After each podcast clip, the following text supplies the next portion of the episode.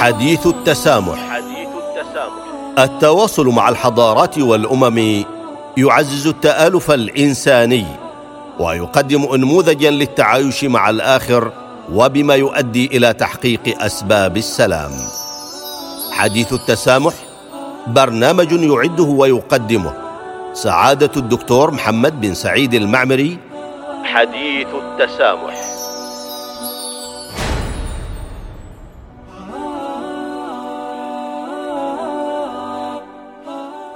بسم الله الرحمن الرحيم الحمد لله والصلاه والسلام على رسول الله وعلى اله واصحابه ومن والاه ايها المستمعون والمستمعات لاذاعه الصمود السلام عليكم ورحمه الله تعالى وبركاته واهلا وسهلا بكم في حلقه جديده من حديث التسامح تناولنا في الحلقة الماضية جهود المؤسسات في سلطنة عمان في تعزيز قيم التعارف والتفاهم والوئام بين المجتمع الإنساني. ونوهنا فيها إلى مشروع المؤتلف الإنساني ومشروع إعلان السلطان قابوس للمؤتلف الإنساني وسنخصص هذه الحلقة للتركيز حول هذا المشروع الإنساني المهم. يأتي هذا المشروع تعزيزا لثقافة السلام والتآلف وترسيخ مبادئ الأخلاق والوئام والقيم الإنسانية. تم الإعلان بحمد الله في العاصمة الإندونيسية جاكرتا مشروع إعلان السلطان قابوس للمؤتلف الإنساني خلال احتفال أممي نظمته السلطنة بالشراكة مع منظمات دولية بينها الأمم المتحدة في جاكرتا خلال الاحتفال باليوم العالمي للتسامح الذي صادف السادس عشر من نوفمبر عام 2019 يقوم هذا المشروع إعلان السلطان قابوس للمؤتلف الإنساني على ثلاثة مرتكزات هي العقل والعدل والأخلاق. ويقترح من خلاله تقديم منهج عمل يقدم للعالم ليعينه على النهوض من جديد واستشراف حياة متوازنة يعيش فيها الناس على أساس من الكرامة والحقوق الأساسية والأمان النفسي.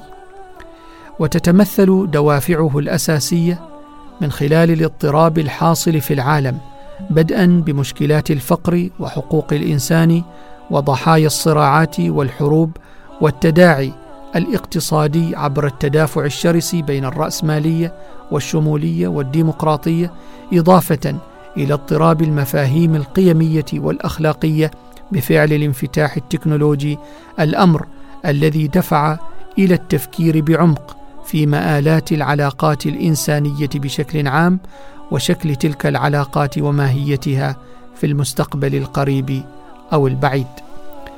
ويضع مشروع إعلان السلطان قابوس للمؤتلف الإنساني ثلاثة أبعاد ضرورية لإعادة التوازن للعالم الذي نعيشه اليوم. يتمثل البعد الأول في تحسين حياة البشر عبر تحقيق المستوى الأساسي من الكرامة والحقوق والحفاظ على اللحمة الإنسانية من الفناء والاندثار. أما البعد الثاني فيقوم على أساس اعتماد منظومة أخلاقية عالمية تدفع بالناس قدما إلى توحيد التزاماتهم وجهودهم نحو حماية الإنسان والأرض وتحقيق السلام والتعايش والتفاهم. وأن الاختلافات الدينية والثقافية والأيديولوجية لا تمنع وليست عائقا عن الإيمان بوجودنا ضمن أرضية مشتركة وقيم متحدة سواء انطلقت من أسس دينية أو غير دينية. أما البعد الثالث فيتمثل في رعاية القيم الروحية للإنسان عبر استنهاضها مع إعمال العقل والمنطق والفلسفة وعلم الكلام الحديث.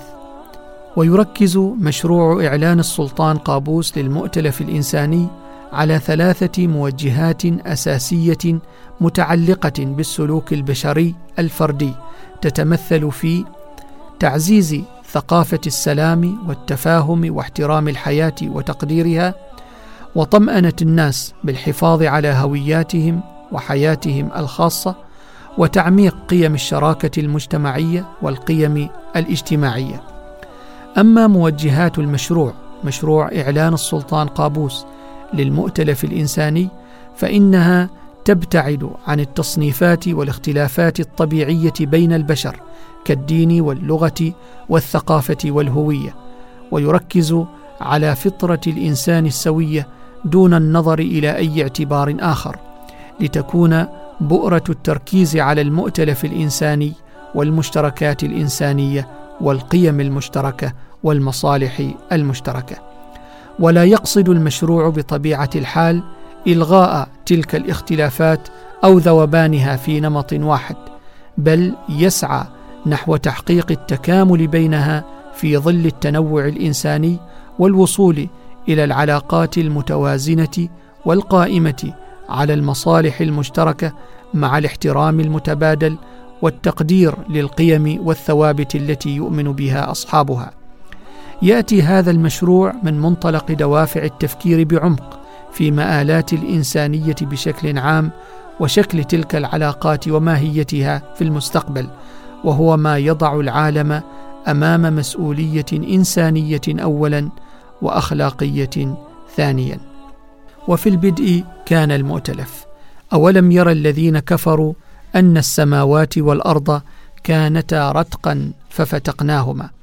يقول ابن كثير في تفسير هذه الآية ألم يروا أن السماوات والأرض كانتا رتقا أي كان الجميع متصلا بعضه ببعض متلاصق متراكم بعضه فوق بعض في ابتداء الأمر. ففتق هذه من هذه فجعل السماوات سبعا والأرض سبعا وفصل بين السماء الدنيا والأرض بالهواء فأمطرت السماء وأنبتت الأرض. انتهى الاقتباس. تقرر هذه الآية أن الموجودات من السماوات والأرض كانتا شيئا واحدا متصلا بعضه ببعض متلاصق متراكم بعضه فوق بعض. فالعودة إلى المؤتلف هو العودة إلى هذا الأصل الفطري الجامع في كليته الكونية بين السماوات والأرض بل قبل خلق الخلق من الإنس والحيوان والنبات.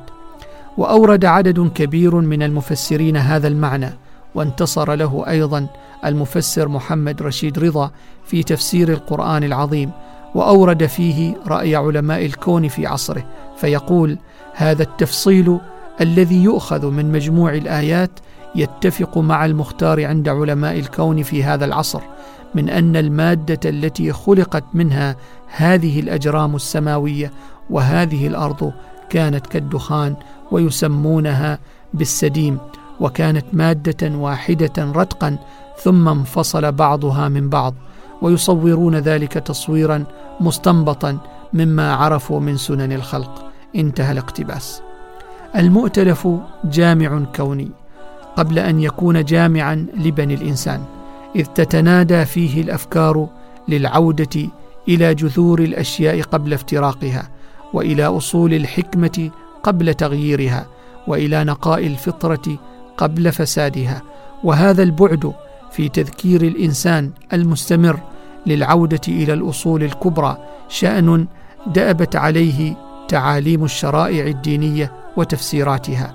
وحرص عليه الفلاسفة والعلماء في شتى المعارف والفنون بلا استثناء.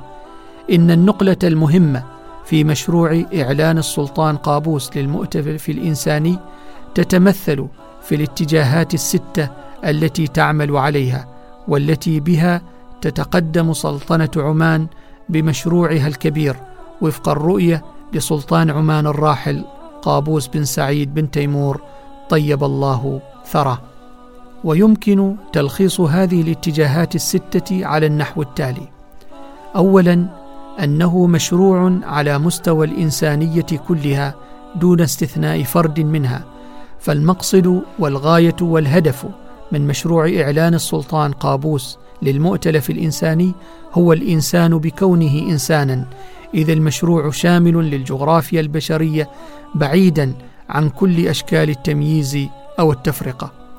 ثانيا أنه مشروع ينادي بتكافؤ فرص الحياة وفق مبادئ العدل والمساواة والرفاه الاجتماعي لجميع الناس في هذه الأرض. أينما كانوا وبالصفة التي يعيشون بها.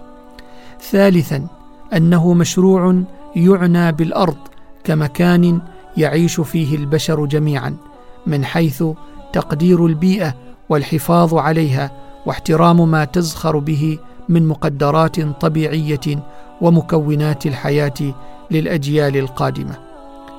رابعا أنه مشروع يعنى باحترام وتقدير التنوع الإنساني وإبراز ما تتميز به كل فئات المجتمع الإنساني في إرثها وثقافتها المحلية من أجل بناء الثقة في العلاقات الإنسانية واحترام الأقليات وحمايتها. خامسا أنه مشروع يعنى بالجوانب التربوية الأخلاقية للأجيال الحاضرة والمستقبلية من حيث ارتباطها باللحمة الإنسانية وتنشئتها على القيم المشتركة والسعي من أجل السلام والوئام العالميين.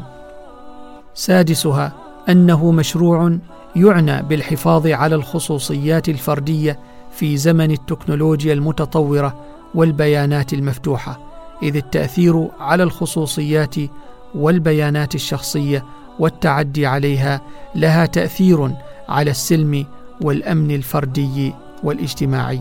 هذه هي اتجاهات مشروع إعلان السلطان قابوس للمؤتلف الإنساني والذي تتقدم به السلطنة للعالم أجمع من أجل بناء مستقبل وحياة أفضل للعالم أينما كانوا وأينما وجدوا.